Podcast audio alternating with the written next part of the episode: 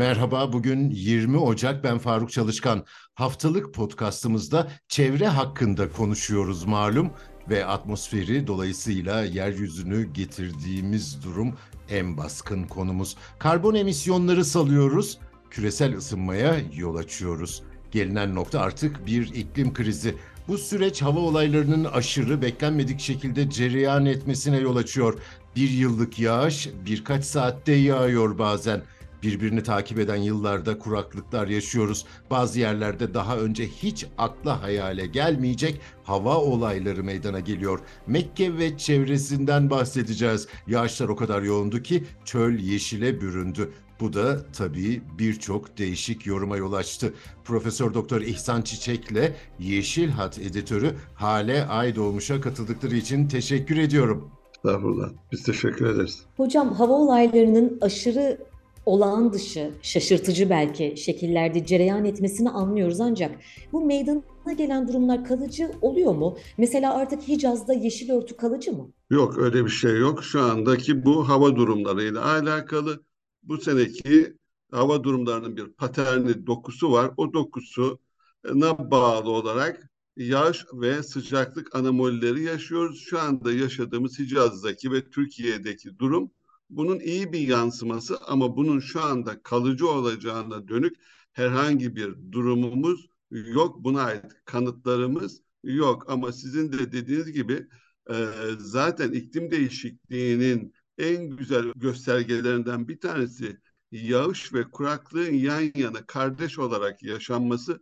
Bunlar ekstrem olaylar işte bir yanda yağış bir yanda kuraklık. Bakıyorsunuz Hicaz'da şu anda bol miktarda yağmur var ama Türkiye'nin bulunduğu kesimde de yağış yok. Avrupa'da yağış var, soğuk var, Türkiye'de sıcak koşullar var. O yüzden bu tamamıyla o anda kurulan hava paterninin e, dokusunun bir yapısı olarak karşımıza çıkan bir durum ama şu anda bunun kalıcı olacağına dair bir göstergemiz yok veya böyle söylersek bunu iklim değişikliğinin bir sonucu yaşanan bir olay olarak söylersek çok kolaycılığa kaçmış oluruz diye düşünüyorum. Hava olayları günlük, haftalık hatta yıllık hadiseler, iklimse sanırım en az 30 yıllık bir dönemin Tabii karakterini ki. yansıtıyor.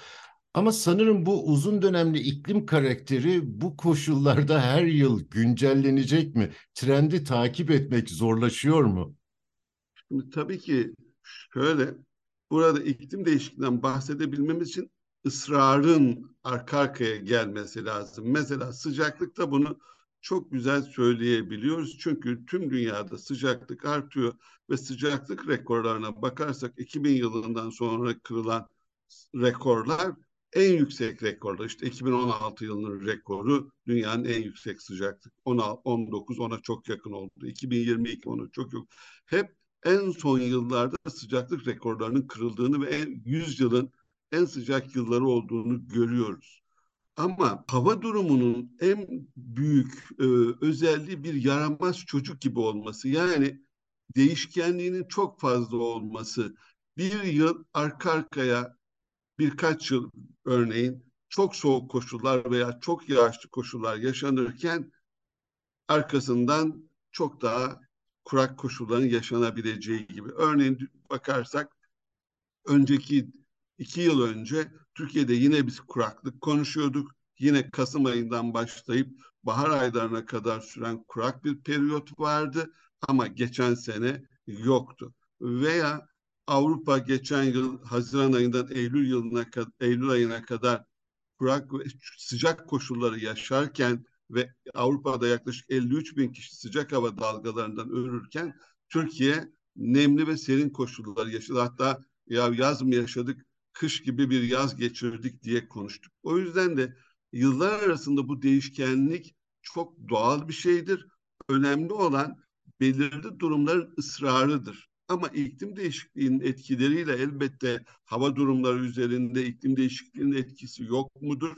Elbette bu etkiler vardır. Ama bu etkileri biraz önce söyledim, dünden bugüne hemen vardır diyerek söylemekte biraz kolaycılık olur. O yüzden de bunlar hava durumlarıyla alakalıdır. Israrına bakmamız aynı olayların tekrarlama sıklığının arka arkaya gelmesi gibi durumları izlememiz lazım. Sizin de dediğiniz gibi bunları değerlendirmek için de minimum 30 yıl mümkünse çok daha uzun yıllarla analiz ederek varmamız gerekiyor bu kanıya. Hocam tam da bahsettiğiniz gibi aslında bu trenddeki değişimin ivme kazanıp kazanmadığını soracaktım ben de. Aşırılıklar daha yüksek zirveleri de bulur mu? Daha farklı durumlarla da karşı karşıya gelir miyiz? Onunla ilgili öngörülerinizi de rica etsek. Şimdi elbette Türkiye'nin bulunduğu kuşakta yağış değişkenliği bakımından biz mutlak aşırılıkları yaşayacağız. Yani mutlak olan bir şey var ki tüm projeksiyonlar şunu gösteriyor. Akdeniz havzasında yağış azalıyor. Bu özellikle güney kesimimizde yüzde yirmi otuza kadar çıkıyor. Ama bakın yağış sadece azalmakla kalmıyor. Aynı zamanda Akdeniz havzasının bulunduğu kesimde taşkın riski de çok kuvvetli olarak artıyor. Bu ne demek? Yağışımız azalacak ama aynı zamanda şiddetli yağışlarımız artacak. Biz belki 1000 milimetre örneğin Antalya için konuşuyorum. 1000-1200 milimetre yağış alıyorken 800 milimetre yağış alacağız. Bunu önceden 100 günde alıyorken şimdi 40 günde alır hale geleceğiz ve yağışımızın şiddeti artacak. O yüzden de aşırılıklar iklim değişikliğinin en güzel göstergelerinden birisidir. Biraz önce söyledim kuraklık artacak ama seller artacak aynı şekilde. O yüzden de aşırılıklara gittikçe daha alışmamız ve bunlara uyum sağlamamız lazım. O yüzden de belki de hani iklim değişikliğinin biliyorsunuz iki tane anahtarı var. Birisi azaltım, birisi uyum. Bizim hayatımızı daha uyumlu, iklim değişikliğine daha dirençli hale getirmemiz muhakkak şart. Gıda güvenliğinden daha önemli bir milli güvenlik meselesi yok. Beşeri Tabii coğrafyada sanırım gıdadan çok etkileniyor. Coğrafya ve beşeri coğrafya. E şimdi ritmik, beklendiği gibi olmayan hava olayları karşısında gıdayı üretmek de zorlaşacak ve her aşırılığa dayanıklı üretim metotları mı geliştirmenin yolunu bulacağız? Bizim bulunduğumuz kuşakta biraz önce gibi kuraklık etkisini arttıracak yağış azalışı olacak. O yüzden de bizim iklim sistemimizi bir daha az su isteyen, kuraklığa daha yatkın olan ürünlere doğru dönüştürmemiz gerekecek. Muhakkak bunları. Yani bizim planlı bir tarıma geçmemiz ve yörenin su koşullarını çok ön plana çıkararak bir planlama yapmamız lazım. İşte hep söylenir İç Anadolu'da şeker pancarı, mısır gibi ürünleri yetiştirmememiz lazım. Şunu düşünelim. Bir mısırın 8 milimetre günde suya ihtiyacı var. Ama İç Anadolu'da bu yok. Bunun için biz taban suyuna yöneliyoruz. Veya işte Akdeniz Havzası'nda şu anda çok trend subtropikal bitkiler yetiştiriyoruz. Olmayan bitkileri yetiştiriyoruz ama bunlar doğal olarak çok fazla su ihtiyacı kullanıyorlar.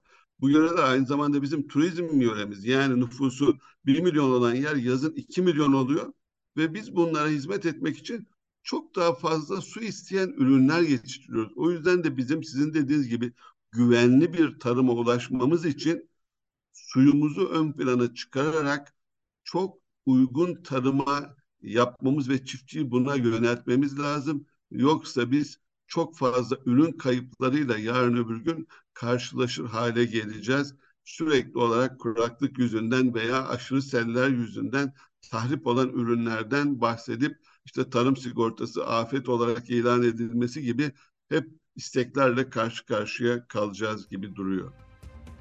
Profesör Doktor İhsan Çiçek'e ve Yeşil Hat editörü Hale Aydoğmuş'a çok teşekkür ediyorum.